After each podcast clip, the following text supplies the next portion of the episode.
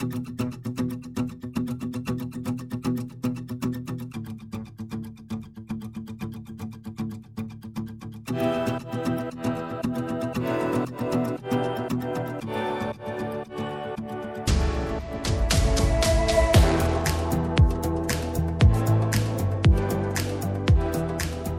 wieczór Państwu. Karolina Wigura, a wraz ze mną jest Katarzyna Kasia. Dobry wieczór.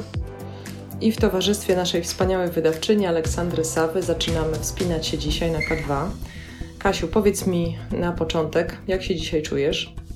Wiesz co, powiem Ci, że um, nie wiem, jak się można czuć w 28 dniu wojny, tak blisko i um, no, z takim poczuciem, że ona jest coraz bliżej. I zobacz, zaczynałyśmy ten nasz podcast dwa lata temu, rozmawiałyśmy o pandemii.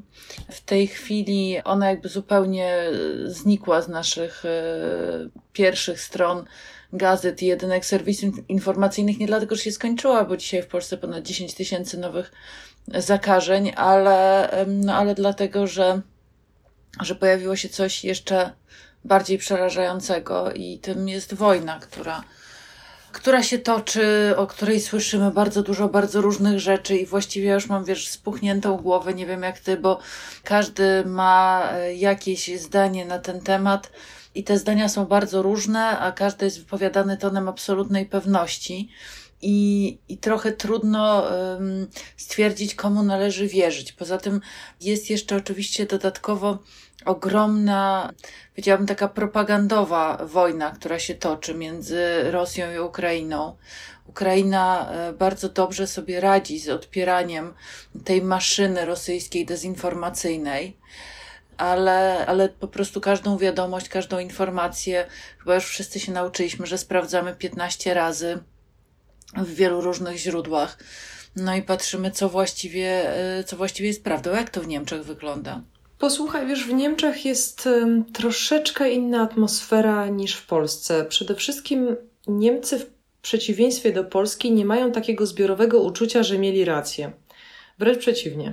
To znaczy, bardzo wiele osób przeżywa to i myśli o tym, że no, przez wiele lat niemiecka polityka była prorosyjska, że przedkładano nad pewne kwestie polityczne interesy gospodarcze, że wiele osób nawet przekonywało przecież, nawet bardzo rozumiejących e, historię i traumy Europy Środkowo-Wschodniej, nawet te osoby przekonywały, że Nord Stream 2 to jest projekt ekonomiczny i że nie należy go widzieć inaczej. Więc to, to tutaj się po pierwsze zaczyna ta atmosfera, to znaczy to jest taka atmosfera, a jednak się zupełnie myliliśmy. I tutaj trzeba powiedzieć, że jedna rzecz to jest kwestia rządu. Niemcy są przyzwyczajeni do tego, że ich rząd zachowuje się w sposób bardzo ostrożny.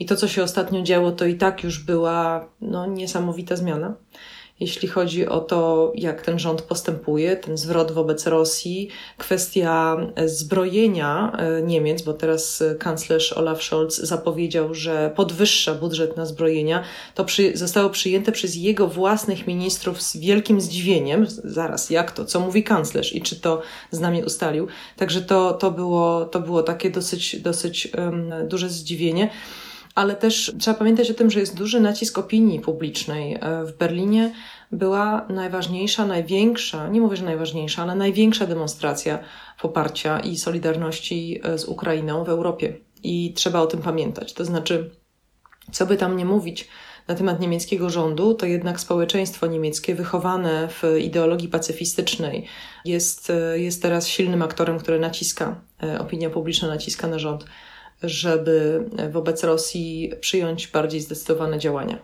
No właśnie, bo to Niemcy są państwem, w którym e, no, po tych potwornych doświadczeniach historycznych jednak to nastawienie pacyfistyczne było podtrzymywane. Mi cały czas się ostatnio przypomina taka mm, książka właściwie z bardzo małą ilością tekstu, ale z bardzo dużą ilością zdjęć. Książka Ernsta Friedricha Krieg, der Kriege, Wojna przeciwko wojnie. I Friedrich wtedy po I wojnie światowej próbował pokazać właśnie przez obrazy, jaki, czym jest wojna. I przerażające jest to, że te obrazy, które dzisiaj oglądamy, one się nie różnią zasadniczo, wiesz, i to jest, to jest dla mnie jakaś taka porażka, porażka ludzkości. I, i bardzo, bardzo o tym ostatnio dużo myślę, że, no, że jednak mimo wszystko, mimo tego, że kto miał rację, kto nie miał racji, kto widział zagrożenie, kto go nie widział, to jednak taka wojna konwencjonalna w Europie nie sądziliśmy, że to w ogóle jeszcze kiedykolwiek będziemy oglądać właśnie w innych miejscach niż, niż książki historyczne. Dokładnie i też sobie myślę o tym, że, że też no, ja obserwuję z bliska Niemcy, to, to jest jedna perspektywa. Ale są też inne państwa europejskie i są na przykład Francuzi, którzy wcale nie wyobrażają sobie, że ich firmy na przykład mogłyby wyjść z Rosji. Dlaczego? No dlatego, że ludzie nadal chcą żyć dostatnio i i to jest trochę jak wtedy, kiedy rozmawialiśmy o tych żółtych kamizelkach. To znaczy, że jedni myśleli o końcu świata, a drudzy myślą o, o tym, o końcu miesiąca. A tutaj jest trochę tak, że jedni myślą o Mariupolu, a drudzy myślą o tym, czy będzie im się nadal wygodnie żyło. I jakoś to się zapisuje wszystko w naturze ludzkiej, i myślę sobie, że tak, natura ludzka jest do tego wszystkiego zdolna. Ale, ale to jest jakoś tak niepokojące. I właśnie też chciałam Cię zapytać, wiesz, na ile Ty uważasz, że w tej chwili Zachód i umiejscawiam Polskę na Zachodzie, znaczy generalnie um, umiejscawiam teraz na Zachodzie, trochę naciągając wszystkie kraje Unii Europejskiej i NATO. I jak ty myślisz, czy ten Zachód po tym, jak zaraz po wybuchu wojny było widać taki, takie duże zintegrowanie, oburzenie, zintegrowanie. I czy ty myślisz, że to ta integracja się utrzyma, czy też właśnie my będziemy obserwować takie podziały y, wśród tego zachodniego świata i im kto dalej, tym będzie ostrożniejszy i będzie chętniejszy do tego, żeby patrzeć, no cóż, w Ukrainie się to dzieje, ale my mamy bezpiecznie, a im kto bliżej, tym będzie mówił, no nie, musimy się tym zająć, bardziej zdecydowane kroki i tak dalej. Jak ty myślisz? Co, to już bardzo wyraźnie widać te linie, e, te linie podziału właściwie od samego początku. I ta nasza część świata, no, jest dużo bardziej radykalna. Jest y, radykalna dlatego, że y, no, my niesiemy jednak ciężar historii i egzystowania w cieniu Rosji. To jest doświadczenie, którego Zachód nie ma.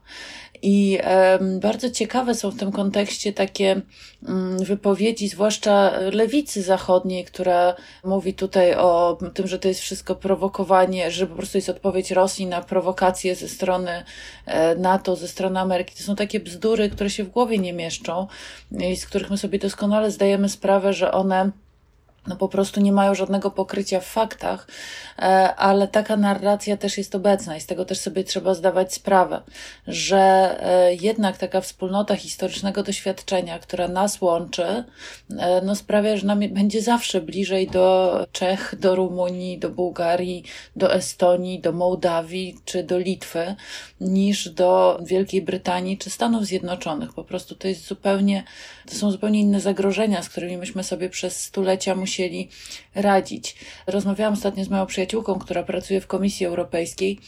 E, I ona mówiła, że to też bardzo widać tam. To znaczy, widać, że te osoby, które reprezentują właśnie te kraje Europy Środkowo-Wschodniej, mają zupełnie inne podejście niż e, koleżanki i koledzy właśnie z tych starych zachodnich e, demokracji. I e, to jest zupełnie inne podejście do Rosji, zupełnie inne podejście do Ukrainy, e, no też zupełnie inny stosunek do, do Stanów Zjednoczonych, także nikt już chyba nie mówi, że można dalej robić business as usual, ale Wiele osób tutaj mówi, no nie, no przecież jednakowoż e, nie możemy e, tutaj pewnych rzeczy, nie wiem, mówić, ponieważ e, no, one nie mają, nie mają sensu. My na to patrzymy trochę trochę inaczej, no ale inne jest zupełnie nasze położenie. Wiesz co, ja się jeszcze zastanawiałam, bo chciałam Cię zapytać, no bo e, Joe Biden wyruszył w podróż e, transoceaniczną i przyleci, jutro będzie uczestniczył i w szczycie Unii Europejskiej, i w szczycie NATO w Brukseli. Potem przyjedzie do Warszawy, tutaj się spotka z naszymi rządzącymi, Gdybym była złośliwa, to powiedziałam, że wreszcie Andrzej Duda będzie miał spotkanie z Joe Bidenem, ale oczywiście tego nie powiem, bo nie, w życiu bym nie chciała, żeby w takiej sytuacji to spotkanie się odbywało i myślę, że nikt by nie chciał. Natomiast no, Joe Biden przyjedzie najprawdopodobniej z nowym pakietem sankcji i z um, ostrzeżeniami, bo amerykański wywiad teraz ostrzega przed możliwością użycia przez Putina broni chemicznej i biologicznej.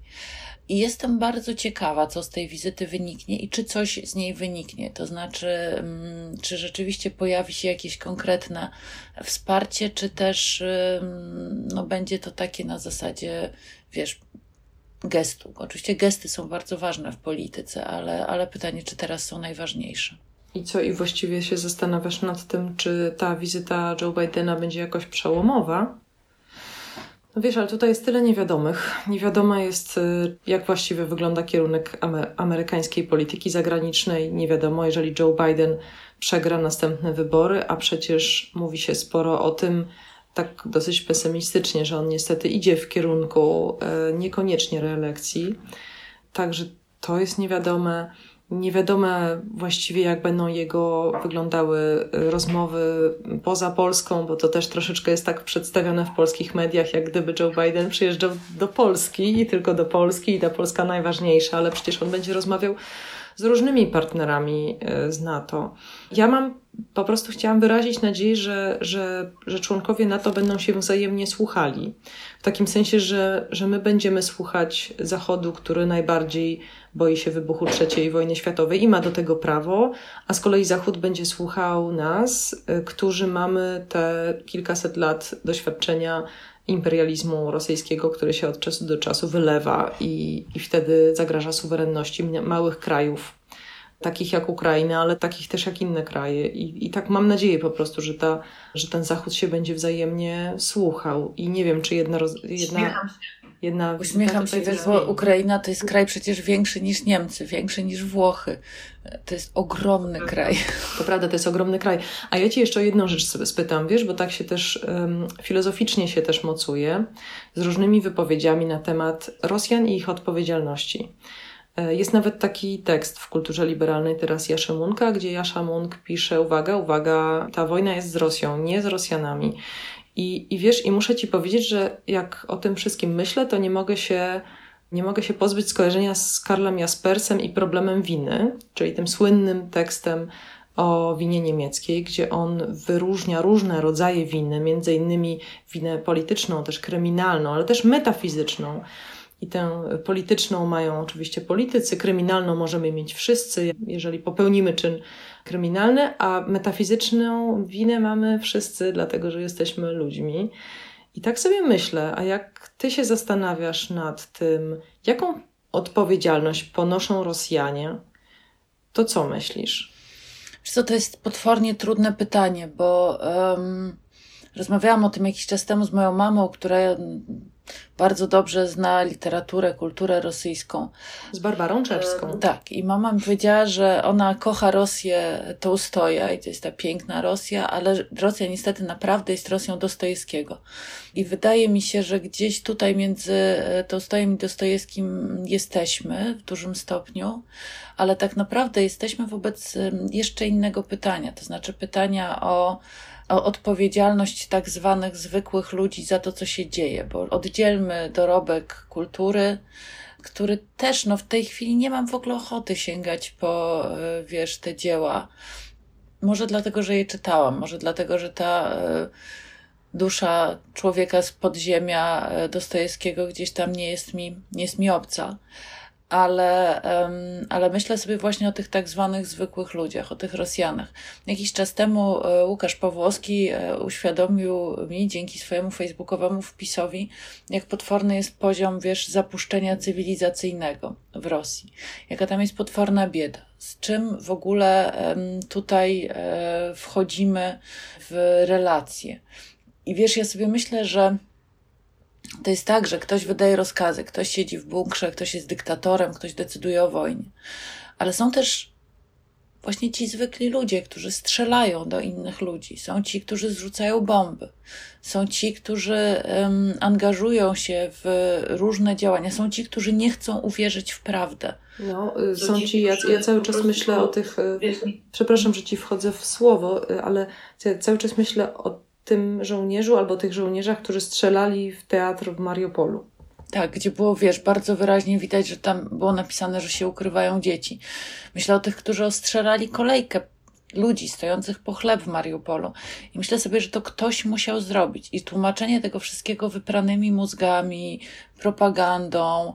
Wiesz, na koniec wydaje mi się, że wszyscy stajemy wobec własnych wyborów, tak naprawdę, nawet jeżeli jesteśmy wojskowymi. I też na to zwracało uwagę kilkoro wojskowych, których słuchałam w tej sprawie, że w takiej sytuacji to już nie mówimy o dezercji. Jeżeli ktoś ci każe strzelać do ludności cywilnej, to nie są cele wojskowe, to już tego już nie obejmuje.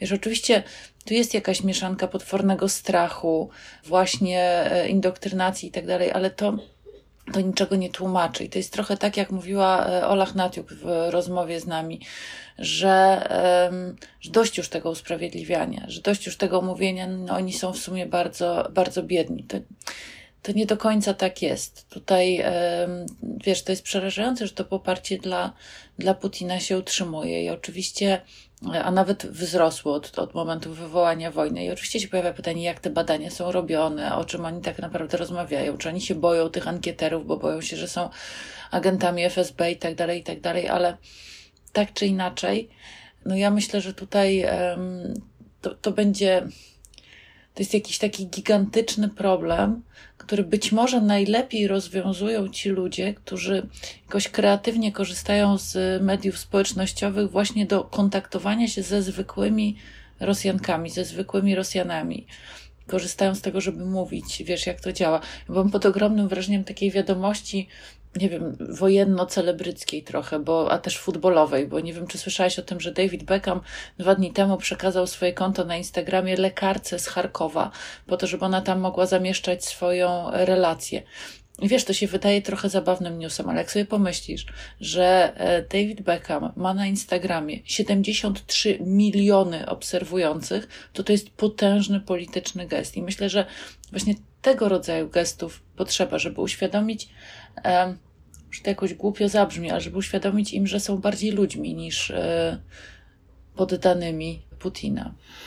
Tak, to rzeczywiście jest e, niesamowity gest, o którym mówisz, i wydaje mi się, że nie trzeba go lekceważyć, dlatego że nawet Wołodymyr Żeleński nie e, lekceważy potęgi mediów i i potęgi tego, ile dzisiaj znaczy to, że ktoś ma rozpoznawalną twarz i że ludzie go sobie podają. No, takich, w takich czasach żyjemy. Wiesz, bracia Kliczko, zobacz jak oni tam szaleją po prostu. Znaczy, ta dzielność tych ludzi jest tak niewiarygodna, ona jest tak powalająca i tak bezdyskusyjna, że wiesz, jak oglądam właśnie wywiady z lekarzami, z lekarkami, z ludźmi, którzy tam na co dzień, e, na co dzień pracują, to ja nie mam, ja nie mam słów wdzięczności za to, co oni robią, bo oni naprawdę nas w ten sposób bronią też.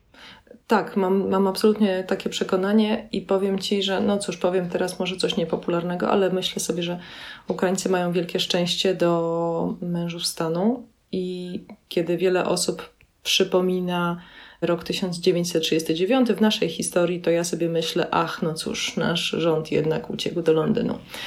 I, i to, jest, to jest taka myśl, która mnie jakoś nie opuszcza. Proszę Państwa, zaprosimy teraz nasze, nasze dzisiejsze gościnie. Bardzo serdecznie zapraszam Katarzyna Skrzydłowska-Kalukin i Natalia Parszczyk. Proszę Państwa, w naszym studiu, więc, więc mogą być we dwie i będzie je na pewno znakomicie widać i słychać. Katarzyna Skrzydłowska-Kalukin jest dziennikarką polityczną w kulturze liberalnej, a także bardzo, bardzo doświadczoną, świetną dziennikarką polityczno-społeczną. A Natalia Parszczyk, proszę Państwa, to jest nowa e, pracownica kultury liberalnej.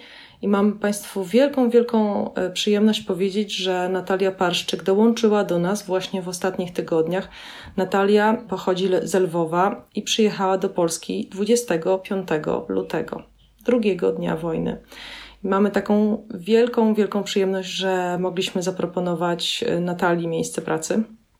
I teraz, moi kochani słuchacze, nasi kochani słuchacze, powiem Wam jeszcze coś. E, dobrzy, wspaniali darczyńcy kultury liberalnej już zaczęli zbiórkę na stanowisko Natalii, tak żebyśmy mogli jej pomóc. I powiem Wam, że brakuje nam już w tej chwili właściwie jednej czwartej tych pieniędzy i damy radę, żeby Natalia mogła mieć u nas stałą pracę.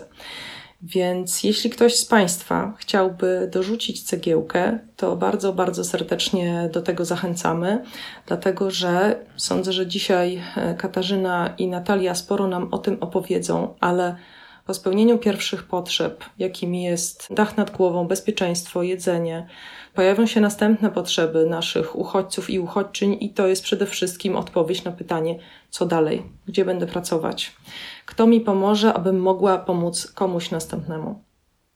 Także już nie przedstawiając bardziej, już więcej e, nie przedłużając, chciałam Was poprosić, żebyście opowiedziały o takim bardzo pięknym tekście, który ukazał się w kulturze liberalnej w najnowszym numerze. To jest e, tekst e, Katarzyny Skrzydłowskiej-Kalukin, przy którym Natalia Parszczyk współpracowała, i to jest tekst o uchodźczyniach. Poszłyście na, na dworzec centralny, poszłyście na dworzec zachodni, rozmawiałyście z kobietami, które teraz przyjeżdżają, przyjeżdżają same albo z dziećmi.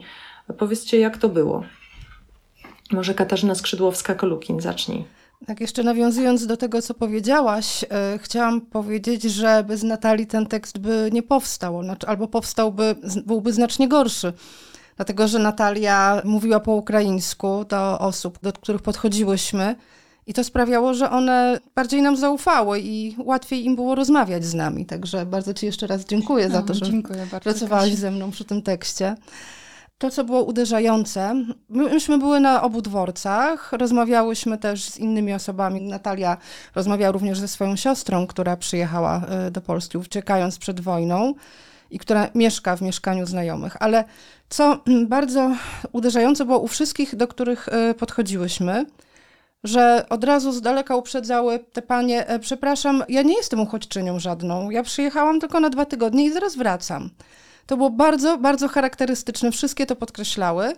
Jedna z nich, co było bardzo ciekawe, e, jej ojciec pracował 20 lat w Polsce, teraz jej ojciec jest w Ukrainie, a ona z matką przyjechała do jego pokoju w Ośnie Lubuskim u pracodawcy, który udostępnił im ten pokój i tam będą szukać pracy.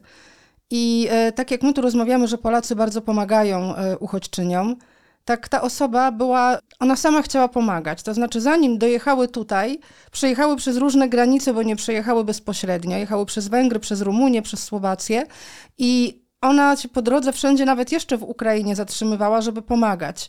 To jest osoba, której życie bardzo aktywne, ona pracowała w e, międzynarodowej firmie, firmie PR-owej, zostało nagle przerwane i nagle stała się osobą, której należy pomagać. Ona w ogóle nie jest na to zaprogramowana. I co ona mówi? Ja oczywiście za dwa tygodnie wracam i czym się zajmę? Zajmę się odbudową mojej ojczyzny.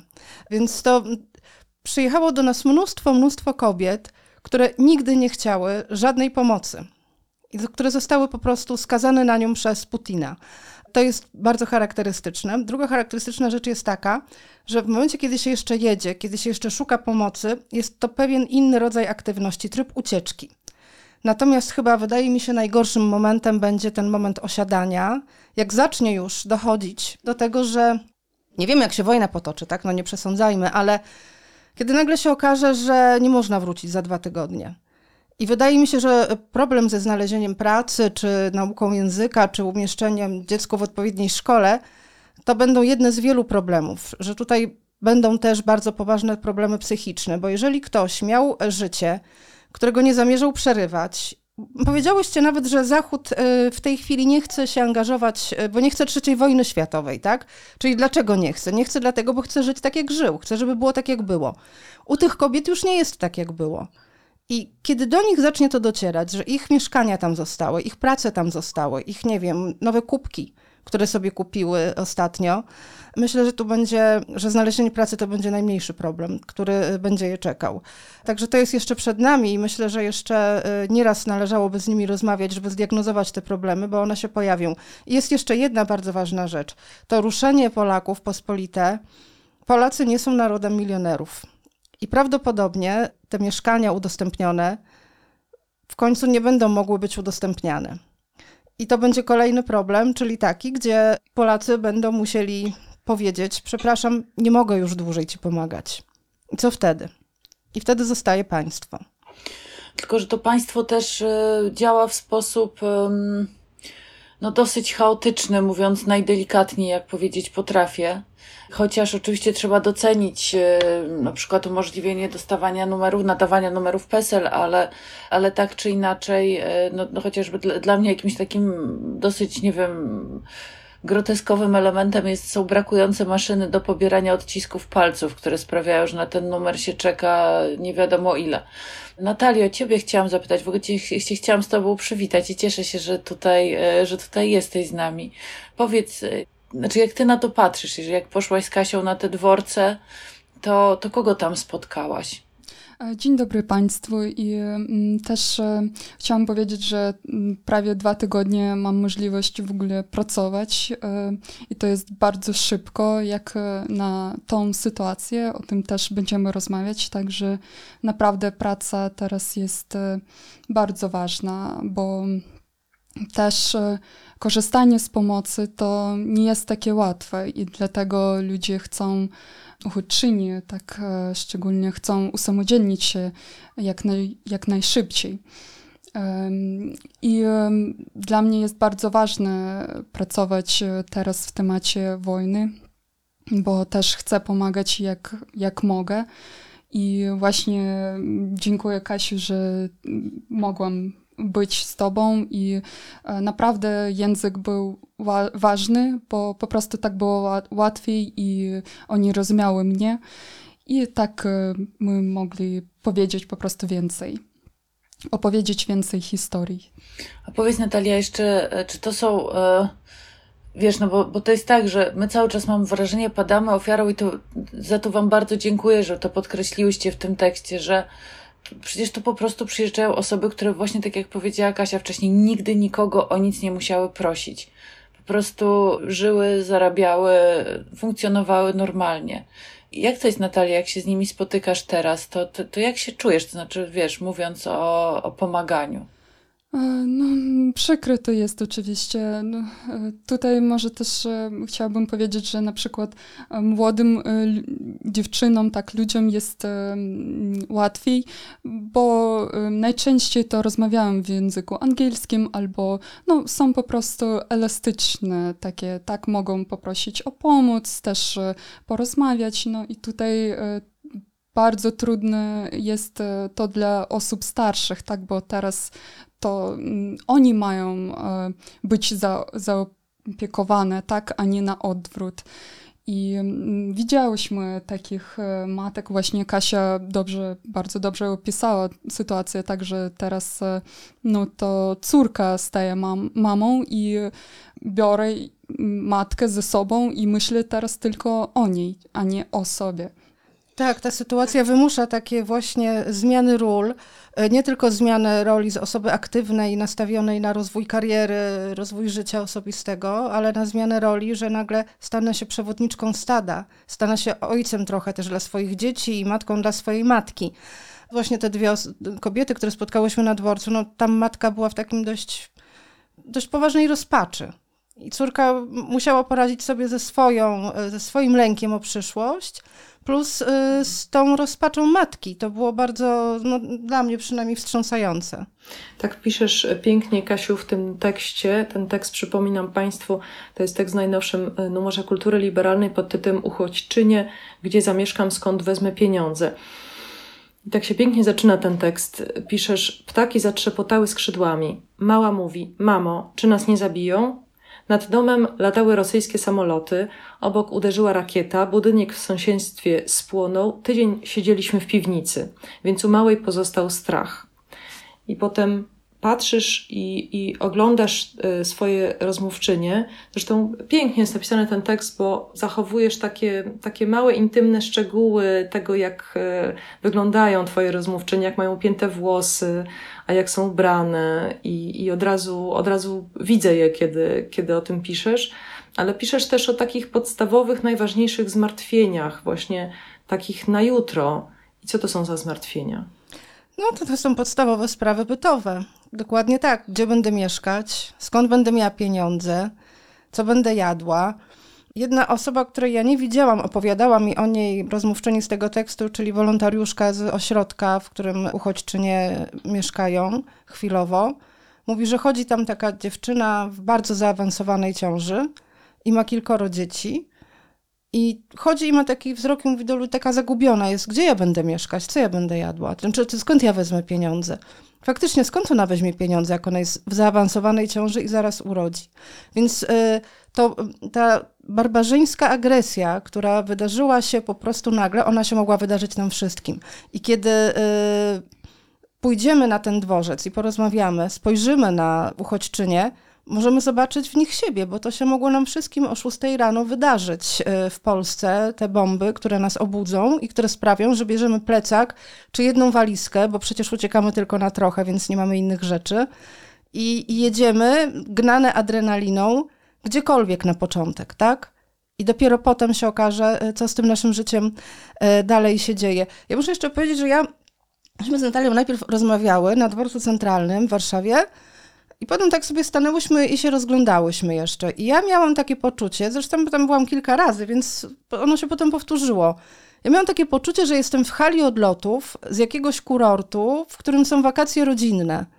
Tam matki z dziećmi siedzą, te dzieci sobie jedzą cukierki, w tabletach grają albo rysują, kolorowanki y, kolorują. I dopiero potem można, to jest takie pierwsze wrażenie, jak tak się już człowiek uspokoi, no taka hala odlotów z kurortu. I dopiero potem właśnie dochodzi to takie straszne wrażenie, że one mają te kolorowanki, bo wolontariusze im dają, żeby im jakkolwiek zająć czas, że chodzą wolontariusze z cukierkami i że to jest skrajna sytuacja życiowa.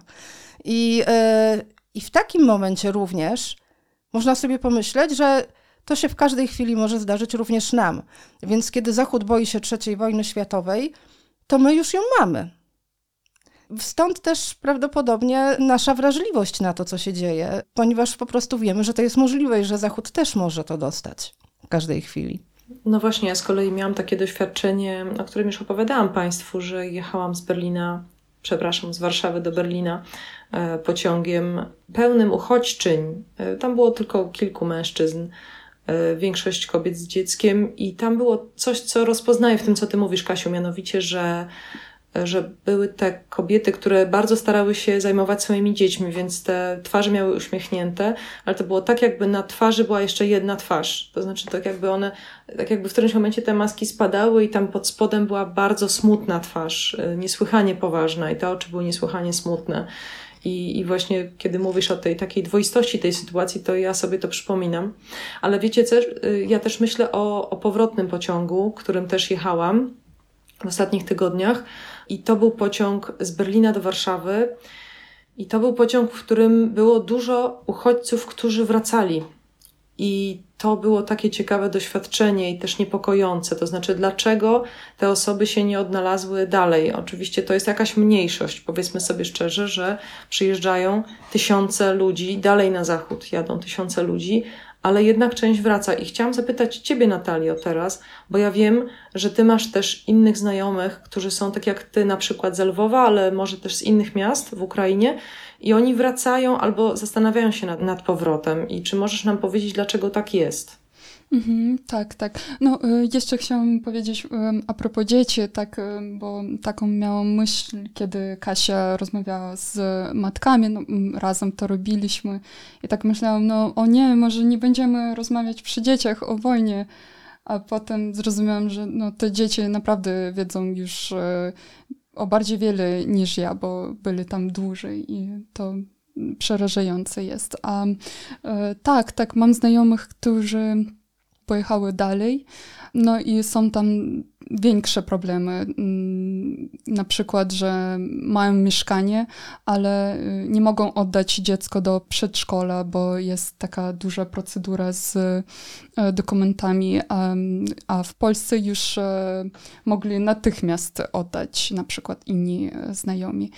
E, no i oczywiście, że język, także tutaj chociaż Ukraińcy Ukrainki nie, nie znają go w większości, ale mogą porozumieć się, tak, bo jest bliżej. I o to chodzi. No ale jest jeszcze, chciałam Cię dopytać, bo jest jeszcze cała duża grupa ludzi, którzy nie chcą w ogóle wyjechać z Ukrainy. I e, są osoby, które, właśnie dzisiaj rozmawiałam z dwiema moimi znajomymi, które są z Ukrainy, są w Polsce już od wielu lat. No tutaj już pracują od dawna i tak dalej, normalnie funkcjonują. I one są przerażone tym, że ich rodziny nie chcą wyjechać. Tutaj mówimy o rodzinach w zachodniej Ukrainie, no ale tak czy inaczej, dziewczyny są przerażone, chcą jakoś e, ich ratować, tylko że oni nie chcą być ratowani, bo, bo właśnie no, uważają, że no nie wiem, że, że, że nie ma się co spieszyć, że, że jeszcze zdążą w razie czego. Mm, tak, właśnie zgadzam się. Mam taką samą rodzinę i już e, zostawiłam próbować e, swoich rodziców wyciągnąć. I, no bo to zazwyczaj ludzie starsi, tak, i bardzo trudno jest zmienić swoje e, mieszkanie, tak, w którym już tyle lat e, oni są i wszystko jest znajome.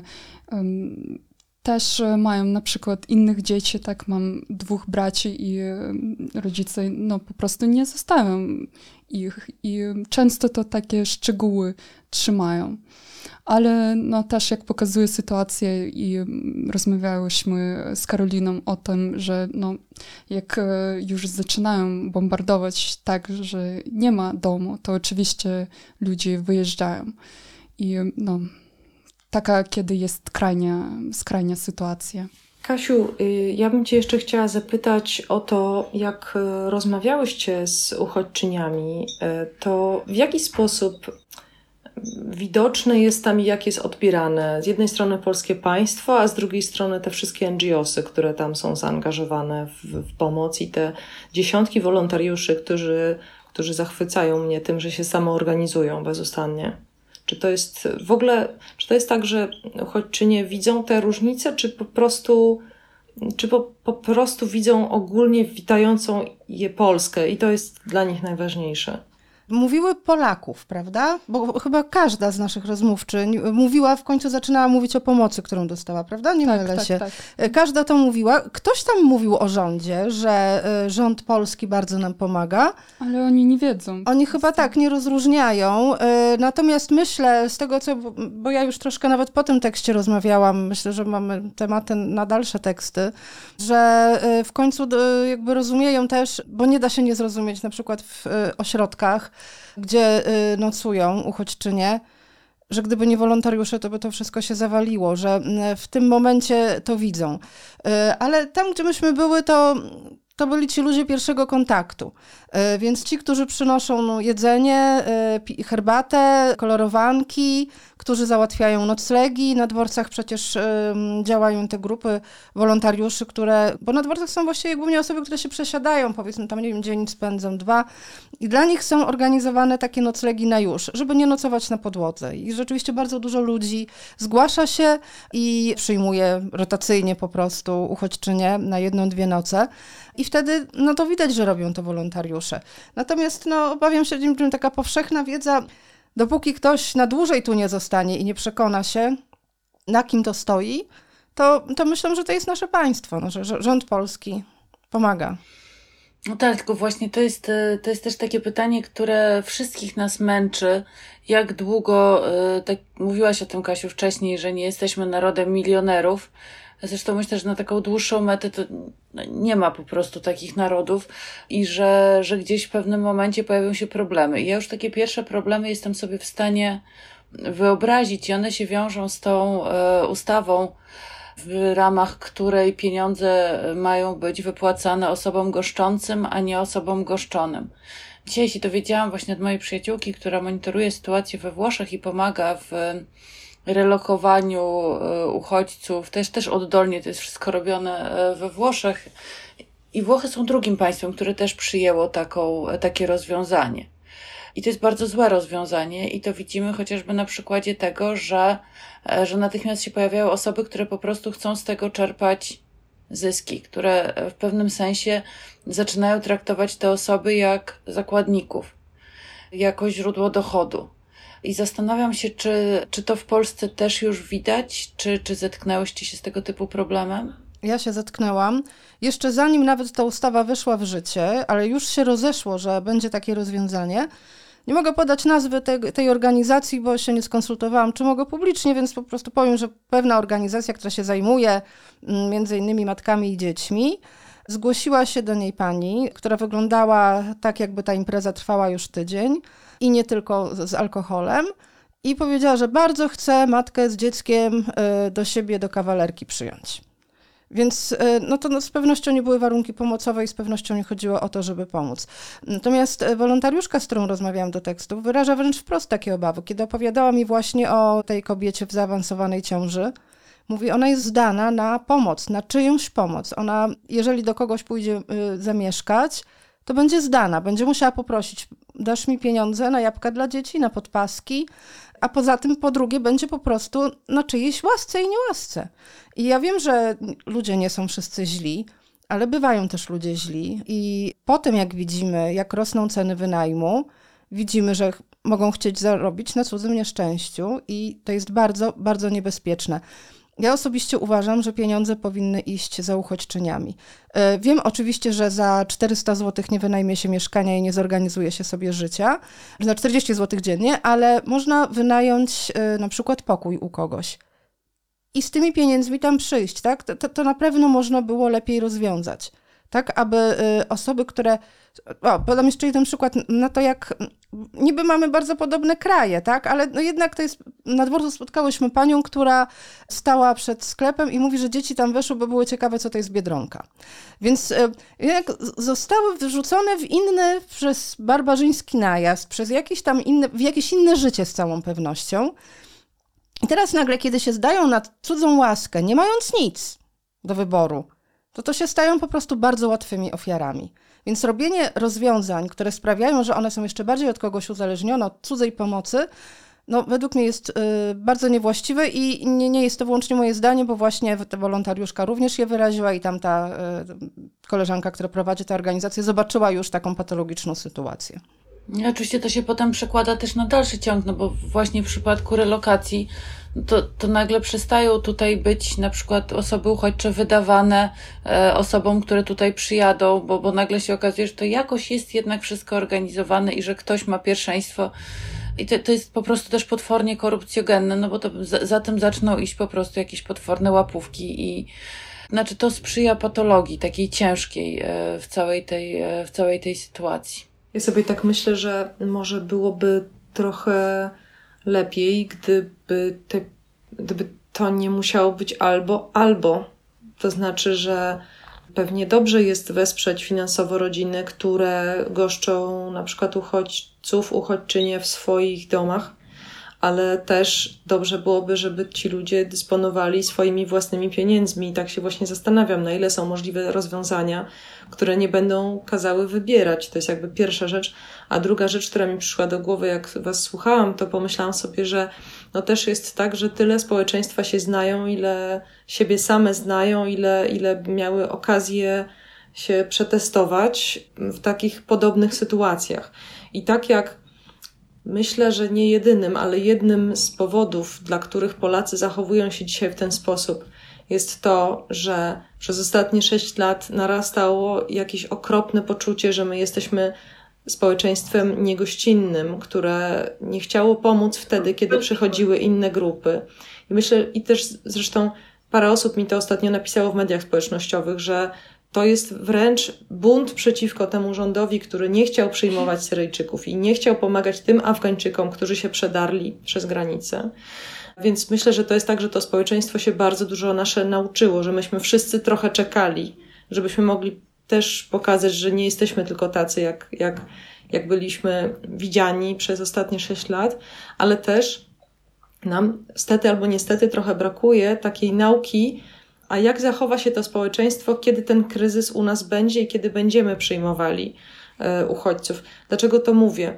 No bo wiecie, społeczeństwa nie są złożone z aniołów i niestety to się zawsze zdarza w każdym społeczeństwie, że tego rodzaju nadużycia, o których mówicie, one się pojawiają. Tylko kiedy się już wie, że one się pojawią, można się, można się ubezpieczyć. Można na przykład lepiej informować uchodźców, że na co mają uważać. Kiedy się przyglądałam ostatnio bardzo dokładnie dworcowi e, głównemu w Berlinie, to widziałam, że w bardzo takich newralgicznych miejscach, e, w kolejce do toalety na przykład, rozwieszone są plakaty, gdzie informuje się oficjalnie, na co mają uważać przybysze że jakie informacje, jakie zdania wypowiadające przez witających ich ludzi są powodem do zaniepokojenia. Kogo mają pierwszego znaleźć na stacji? Z kim rozmawiać, z kim nie rozmawiać.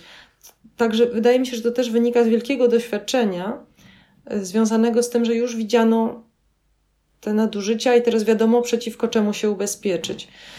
No, obyśmy, obyśmy się uczyli też w przyspieszonej, przyspieszonym tempie. A ja jeszcze mam pytanie do Natalii, bo jest też taki wywiad Tomasza Sawczuka z Lukiem Hardingiem e, w najnowszym numerze kultury. Harding to jest e, dziennikarz, między innymi pisał dla Guardiana e, reportaże teraz z tego, co się działo na polskiej granicy.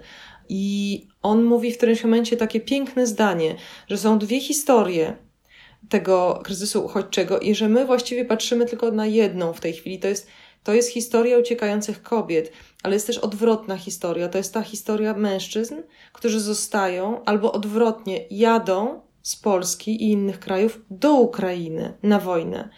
I też chciałam Cię o to zapytać, Natalia, na ile Ty według swoich znajomości, swoich rozmów możesz jeszcze tę historię trochę opowiedzieć? Tak, tak. Na własne oczy to widziałam, bo też e, przez kilka dworców przeszłam e, przed tym, jak e, przyjechać, bo już nie było biletów. To, to się tak w pierwsze dni było bardzo trudne, ale miałam szczęście szybko przyjechać i właśnie na dworcu w Lwowie mm, tak tam dużo się odbywało i też całą noc tam spędziłam i rozmawiałam z różnymi ludźmi i mm, też zobaczyłam tam mężczyzn, oni mnie pomagali w czymś, nie pamiętam. I okazało się, że oni przyjechali z Polski i ja tak nie zrozumiałam najpierw mm, skąd e, z Polski, dlaczego. A oni powiedzieli, że no, wracają do swoich rodzin i, i żeby walczyć. Także tak, i teraz widzimy też ze statystyk, ile tysięcy mężczyzn, głównie, ale też kobiety, tak e, wrócili do Ukrainy. Strasznie to jest trudna sytuacja i um, ja się cały czas zastanawiam nad, nad dalszym ciągiem, ale oczywiście um, myślę sobie, że to też nie jest do końca tak, że osoby, które do nas przyjeżdżają, one też dostają jakieś wsparcie minimalne, to jest zdaje się 300 zł za pomogi takiej, y, mogą aplikować o 500 plus na dziecko, także to jakieś swoje pieniądze też będą mogli y, mieć. I mam nadzieję, że, y, że właśnie uda się odpowiedzieć na to pytanie, które wy zadajecie w tekście, czyli na to pytanie, co dalej. Jak to zrobić? Jak się już wyjdzie z tego pierwszego szoku, E, jak już człowiek mniej więcej ogarnie takie najprostsze, naj, najbardziej podstawowe sprawy, no to trzeba się będzie skonfrontować z tą sytuacją. I tutaj raczej co do tego, ile ta wojna potrwa, no to, to możemy tylko przewidywać. I ja słyszałam wszystko od tego, że ona się skończy już zaraz, e, do tego, że będzie trwała wiele, wiele lat. I nie wiem, nie wiem po prostu, która z tych informacji jest tak naprawdę właściwa. I zastanawiam się, jak to będzie. Czy, czy to będzie tak, że te osoby z Ukrainy, jak myślicie, jak się Wam wydaje po tych Waszych spotkaniach, czy one rzeczywiście będą mogły się tutaj odnaleźć, będą się tu mogły poczuć u siebie, e, będą mogły być dalej przyjmowane i otaczane opieką, tak żeby mogły zacząć normalnie funkcjonować, normalnie żyć, żeby już nie potrzebowały żadnej opieki więcej. Jak się Wam wydaje? Ja myślę, że to zależy od dwóch e, spraw. Jedna z tych spraw y, jest bardzo ważna, na szczęście wciąż jeszcze nie zaistniała, ale próbowała. Czyli to, co próbowali zrobić posłowie Konfederacji, co robią y, trole, czyli wzbudzić niechęć do uchodźczyń i wzbudzić y, zazdrość Polaków za to, w jakiej sytuacji się znalazły. Czyli, że mają jakieś socjalne, socjalną pomoc, którą nazywają przywilejami i nasze społeczeństwo tak wspaniale zareagowało i to już tak długo trwa, że ja mam ogromną nadzieję, że im się nie uda tego zrobić. Bardzo się tego bałam, kiedy się wojna zaczęła, że y, ludzie się szybko zmęczą, że zaczną y, widzieć konkurencję w ofiarach wojny. Y, to się wciąż nie dzieje. Y, dziennikarze zrobili coś wspaniałego, czyli zbojkotowali konferencję prasową, która chciała rozniecić taki y, klimat. Więc mm, zaczęłam wierzyć w to, że to się nie uda. Więc to na pewno, jeżeli to się nie uda, to będzie łatwiej poczuć się tu jak u siebie uchodźczyniom, znaczy uchodźczyniom Ukrainkom, obywatelkom Ukrainy i mieszkankom Polski. A druga rzecz jest taka, jak uda im się rzeczywiście znaleźć pracę. To jest podstawa, tak? Pracę, która daje mieszkania. I tutaj ma, no, no, problemy to są najbardziej podstawowo, bo tych mieszkań jest mało, bo trzeba nie być w dużym mieście, tylko pojechać do mniejszego. Jeszcze niedawno te oferty z mniejszych miejscowości były traktowane z dużym sceptycyzmem, już teraz nie. Zauważyłam, że już nawet ostatnio na wschód Polski jeżdżą osoby z Ukrainy, więc y, jeśli uda się tylko jakby pokonać taki lęk przed tym, żeby wyjechać do mniejszej miejscowości, nawet na jakąś wieś i tam szukać możliwości jakiejś stabilizacji tymczasowej, no to to też jest na to szansa.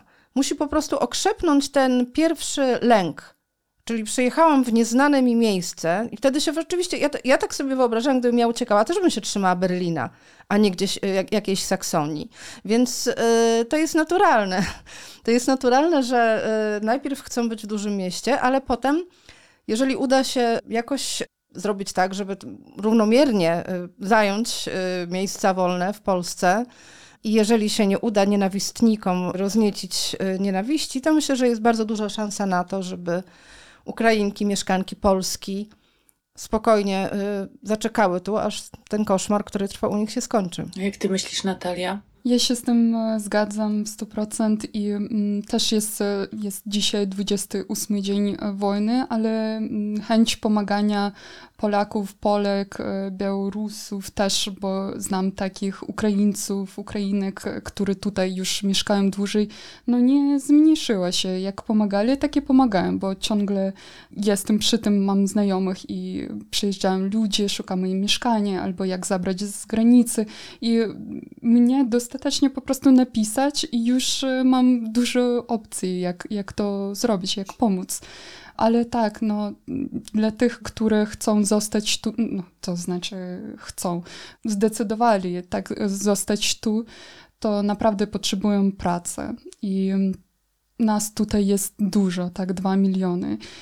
I no, to jest problem, bo jest duża konkurencja i w tych wymaganiach, bo też pomagam szukać e, pracy. To jest e, wiedza języka angielskiego, polskiego oczywiście, a większość nie zna. Chociaż e, na przykład mają duże doświadczenie w swojej branży. No i trudno z tym walczyć. No, spodziewamy się, że jakoś to będzie po prostu większa liczba tych e, stanowisk. Niestety idzie kryzys ekonomiczny, więc to też trzeba wziąć pod uwagę. To jest, to jest zła wiadomość. No tak, bo to jest, e, to jest właśnie jeszcze kwestia tych wszystkich naszych zmian, kwestia Twoja ulubiona, Kasiu, czyli praworządności w Polsce i powiązania wypłat z budżetu Unii Europejskiej dla Polski. E, nad tym Sejm ma obradować jutro, tak? Bo zaczęło się właśnie dzisiaj posiedzenie. Mm, także zobaczymy, jak to będzie wyglądało, no bo te re relacje Polski z Unią Europejską teraz są absolutnie sprawą kluczową przy tym całym e, kryzysie. A propos tego, co powiedziałaś o hejterach, to ja na początku wspomniałam o Davidzie Beckhamie, teraz mi się przypomniała, przypomniał klub sportowy Arka Gdynia, który bardzo pięknie na swojej stronie internetowej odpowiedział tym wszystkim kibicom, którzy uważają, że to jest nie fair, żeby osoby z Ukrainy mogły za darmo przychodzić na wszystkie zajęcia i mecze. I naprawdę jest to taka odpowiedź, którą ja bym najchętniej opublikowała w ogóle na billboardach, bo, bo tam jest tyle prawdy. Wielkie dzięki. Karolina, wróciłaś. Tak, nie wiem co się stało. Posłuchajcie, po prostu na chwilę zniknęłam, ale, ale już jestem. Bardzo, bardzo Wam dziękuję. Dziękuję też Państwu za te wszystkie komentarze, które tutaj były. E, państwo przypominali, że wcale nie tylko wielkie miasta, że także i niewielkie, że, że żywiec, że leśna, że posłuchajcie, dzieje się także poza Warszawą. I myślę, że może to jest nawet bardzo dobry kierunek, zamiast w tej Warszawie, w której jest już tak bardzo dużo ludzi, że właśnie, żeby mieć odwagę jechać do Łowicza, do Sochaczewa, do innych małych miast. Także bardzo, bardzo Państwu też dziękujemy za te wszystkie komentarze, do których się tutaj serdecznie uśmiechamy. I proszę Państwa, ja Państwa już teraz zapraszam na jutro do spotkania z Jarosławem Kuiszem. Będzie jego gościem Jarosław Chrycak, bardzo, bardzo ciekawy, znakomity ukraiński intelektualista, w tej chwili przebywający w Lwowie, niechcący wyjechać. Bardzo Państwa zapraszam do, do słuchania tej, tej rozmowy. W piątek, jak zawsze, zaprosi Państwa Jakub Bodziony. A ja mam jeszcze bardzo serdeczną prośbę, jeśli wysłuchaliście Państwo tego programu z zainteresowaniem, jeśli uważacie, że to jest rzeczywiście najważniejsze, żeby w tej chwili zadać pytanie, co dalej, i żebyśmy starali się pomagać, właśnie dając pracę po to, żeby jedne osoby, które już tę pracę mają, mogły pomagać następnym osobom, to bardzo, bardzo serdecznie Państwa prosimy. Niech Państwo wejdą na www.kulturaliberalna.pl ukośnik wesprzyj i tam znajdą Państwo nasz numer konta. Można wysłać dowolną, wybraną przez siebie kwotę. Napiszcie, że to dla Natalii, żebyśmy wiedzieli, gdzie mamy to umieścić, w którym koszyku. I zapewniam Państwa, że dzięki temu powstaną nie tylko seminaria, konferencje, przy których y, Natalia w tej chwili pracuje, właśnie te poświęcone Ukrainie, ale także mam nadzieję następne świetne reportaże, następne świetne teksty dla Was. Bardzo serdecznie dziękujemy. Dziękujemy. Dziękujemy bardzo.